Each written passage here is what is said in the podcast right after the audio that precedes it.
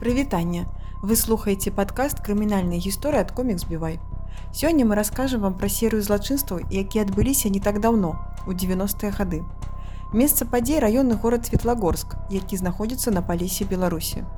Ахвярамі злачынца сталі маленькія дзеці ва ўзросце ад 9 до 13 гадоў. У першым выпуску мы больш увагі звернем менавіта ім і іх бацькам. Ну а злачынца маньяк падрабязнасці пра якога вы даведаеце ў другой частцы выпуска. Страшная светлагорская справа скончылася ў 1996 годзе, калі прысуд правялі ў дзеянне. Але перад гэтым былі пакутлівыя 6 гадоў пошукаў, следства і чакання выканання прысуду. Бацькі ахвяр засталіся незадаволеныя прысудам. Паводле афіцыйнай версіі ўсё пачалося 2 чэрвеня 1990 года. У той дзень знік 13гадовы Саша Алісейка. А может быць, пачалося ўсё яшчэ раней, калі ў траўні 1990 года ўжо іншы 13гадовы хлопчык у рэчыцы на прыпынку чакаў аўтобуса. Транспарту ўсё не было, а з'ехаць хацелася як мага хутчэй. Хлопчыкам у 13 гадоў столькі ўсяго хочацца паспець зрабіць. Нечакана да прыпынку пад'ехаў чырвоны матацыкл Ява 350. Матацыкліст у матроскай кашулі меў патрэбу ў дапамозе. Дзесьці ў лесе ён не мог у адзіночку паставіць палатку і яму вельмі патрэбна была дапамога хлопчыку. Якое б дзіця выстаяла ад магчымасці пракаціцца на чырвоным матацыкле. Добры хлопчык не мог пакінуць чалавека ў бядзе і паехаў у лес дапамагаць незнаёмцу з палаткай. Ужо ў лесе аказалася, што дапамога патрэбна не незнаёмца, а хлопчыку. Кіроўца пачаў збіваць дзіця. Затым прыставіў да горла отвёртку і згвалціў. Хлопчык маліў захаваць яму жыццё. Незнаёмы адпусціў хлопчыка, але забраў магнітафоны касет. Хлопчык вярнуўся дадому і распавёў пра жахлівае злачынства бацькам. Пасля перажытага жаху ён нават змог апісаць злачынца. Млады мужчына 20-25 гадоў, валасы каштанавыя. У міліцыі склалі фотаробат злачынца, праверылі і матацыклы. Хлопчык здолеў запомніць некалькі лічбаў дзяржаўнага нумеру матацыкла, але міліцыя не змагла знайсці злачынца. Дакладней, матацыкл знайшлі ў іншым горадзе ў бабруйску. Але гаспадар не падышоў пад апісанне. Ды да таго ж аказалася, што матацыкл зусім нядаўна купіў у нейкага хлопца са светлагорска. Міліцыя показала фотаробат злачынца новаму уладальніку матацыкла. Пакупнік пазнаў хлопца, але па нейкай прычыне след злачынца абарваўся. Вядома, мы не можам сказаць, што міліцыянты зусім не шукалі злачынца, але відавочна, што яны не спяшаліся, колькі такіх хлопцаў падыдзе пад апісанне. Справа аб знікненні была прыпынена. А тым часам злачынства працягнуліся. Праз 5 гадоў на суде злачынец скажа, што шкадуе, што пакінуў хлопчыка ў жывых. Я шкадую, што не пусціў цябе ў расход, скажа ён тады. Трэба было яго забіць. Зніклага Сашу Алісейку таксама шукалі млява. Бацькі звярнуліся ў міліцыю, расклеілі аб'явы, але ні сведак, ні нейкіх іншых звестак не было. Хлопчык літаральна выпарыўся. Праз год 1991 годзе зноў знікае дзіця. Віталь Якімаў. Хлопчыку было 10 гадоў. У той дзень брат блізнюк клікаў Віталіка ў кіно. Валерка угаворваў брата пайсці з ім, але Віталік сказаў, што пойдзе сябрамі ў лес.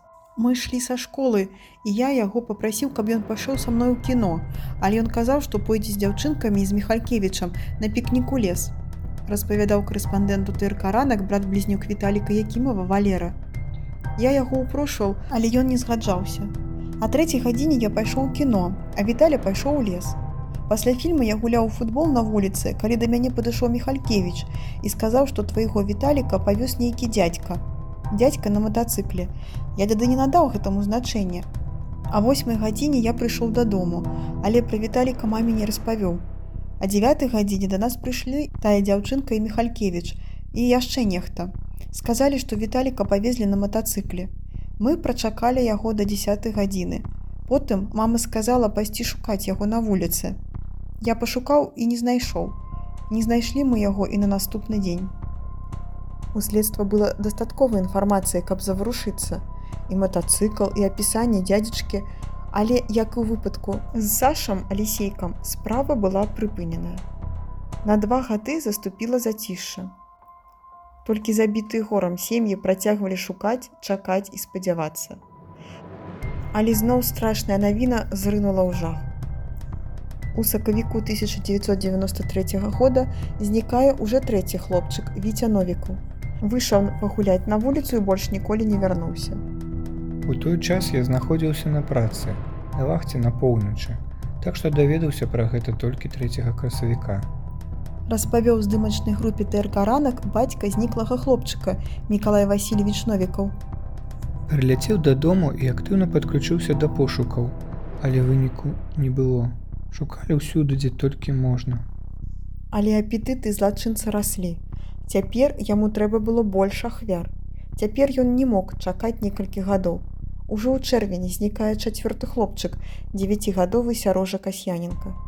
Ён, як і папярэднія хлопцы, выйшаў пагуляць і бясследна знік. Горад ахапіла паніка. Цяпер усім стала відавочна, што ў горадзе адбываецца нешта жахлівае. Гараджане вылучалі свае версіі. Можа быць, дзяцей крадуць цыганы, або наркаманы, або маньяк. У міліцыі працягвалі маўчаць. Работнікі міліцыі сапраўды адмаўлялі ва ўзбуджэнні крымінальных спраў. Гэта сапраўды было але пракурор своечасова выпатрабаваў гэтыя матэрыялы адмяняў пастановы міліцыі аб адмове ва ўзбуджэнні крымінальнай справы і ўзбуджаў крымінальныя справы. Заявіў пазней у размове з пацярпелымі дзяржаўны абвінаваўца олег літошка. Іншая справа што яны сапраўды не аператыўна іх вялі няпоўна неэфектыўна. Я з гэтым згаджаюся тым часам злачынец з лёгкасцю сярод белага дня у ужо праз месяц у ліпені выкрадае наступнага хлопчыка. 13гадовы толя радчынка выйшаў ад бабулі і і знік. Раніца я збіралася на працу, толя яшчэ спаў. распавядала на судзе мама Анатоля Валентина Івановна радчынка. Больш я яго не бачыла. Прыйшла з працы яго няма. Ужо ноч на двары сталі шукаць. Ён жа збіраўся назаўтра на рыбалку ісці. Вуды корм падрыхтаваў. Сын памыў машыну, пракаціўся на ёй, паставіў і пайшоў дадому. Распавёў бацька Толі Карачанка Анатоль Пятрович. З таго часу мы яго не бачылі. Гэта было 5 ліпеня 93 -го года, у першы дзень майго адпачынку. Ён збіраўся на заўтра на рыбалку, падрыхтаваў вуды, цеста, шукалі яго вельмі доўга. Спачатку мы спадзяваліся на лепшае. Ён быў вельмі адказны, Я ведаў, што ён проста так з дому не сыдзе. У сям'і былі выдатныя адносіны. Ён знік пятым у светлагорску. Мы шукалі ўсюды, усю Беларусь аб'егаздзілі. І ў Киеве былі, у белым братэрстве. Думалі, можа ён там будзе. Усё, што маглі рабілі. Міліцыя падключылася, працавала, у Маскву пісалі. Застаюцца адны пытанні без адказу. Няўжо злачынец прыезджы. Можа таму яго складана злавіць. Чаму ён такі няўлоўны, які лад жыцця вядзе, ездзіць на матацыкле, знаходзіць хлапчукоў, адвозіць іх у лес, а далей. Ён вяртаецца да сябе дадому. Ці ёсць яго сям'я, якая нават не падазрае пра д'ябальскі бок свайго сваяка. Пасля знікнення толі горад здранцвеў. Бацькі баяліся адпускаць дзяцей на вуліцу. Жыхары арганізавалі дружыны і пачалі самастойна патруляваць вуліцы. У міліцыі ўсё часцей сталі раздавацца званкі аб падазроных мужчынах з дзецьмі. На жаль, пільныя грамадзяне не знайшлі маньяка. Мужчыны з дзецьмі аказваліся бацькамі, якія проста шпацыравалі. Я тады якраз быў у тым самым узросце. Успамінае жыхар Светлагорска Алексей Юркін. На Залава на самом заходзе ССР пачалі будаваць па чутках кафе. Дабудавалі ўжо моцна ў 90-х і атрымалася там крама. Быў там аўтапак, потым нейкая рытуальна-пахавальная кантора. Дык вось. Пакуль будынак не быў дабудаваны, там па вечарах тусаваліся наркаманы, а вольны ад іх час пацаны памалодшы ганялі ў вайнушку. Сяджу я ля пад'езда, ад якога гэтая крама бачная. Бягуць да мяне і паведамляюць, што за імі ганяўся нейкі дзядзька, які прыехаў на светла-шэрых жыгулях. Я запісаў нумар. Наогул у той час я любіў гуляць у шпіёнаў і ўвесь час запісваў нумары машын або аўтобусаў, на якіх ездзіў. Праз некалькі дзён нас сабралі ў піянерскім пакоі ў школе, дзе сядзелі трое супрацоўнікаў міліцыі і завуч, і мы распавялі, што бачылі. Наша суседка купіла сваім дзецям газавыя балончыкі, але там грошы на гэта былі. У тыя часы яны былі не ва ўсіх. Усе былі напалоханы, асабліва ў маім асяроддзі. Судзіце самі. Мне тады было якраз ад 9 до 14. Забіваў ён у асноўным хлопчыкаў з маёй школы і жыў ён са мной у адным мікрараёне. 9 жніўня 1993 года дадому не вярнуўся Вася накаў. Дзевяцігадовы хлопчык выйшаў пагуляць каля дома і стаў апошняй шостай ахвяры маньяка. Бацька хлопчыка быў настойлівы ў пошуках.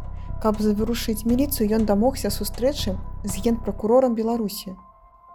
А тым часам бацькі зніклых дзяцей ля будынка светлагорскай міліцыі У роспачы бацькі хацелі прыцягнуць увагу да жахлівых падзей і бяздзейнасць міліцыі. За тры гады зніклі шэсць хлопчыкаў, а злачынец дагэтуль на волі. Вы паслухалі першую частку крымінальнай гісторыі пра светлагорскага маніка. У наступным выпуску мы раскажам, чым скончылася гэта жудасная гісторыя, як знайшлі злодзея і які прысуд яму вынес суд.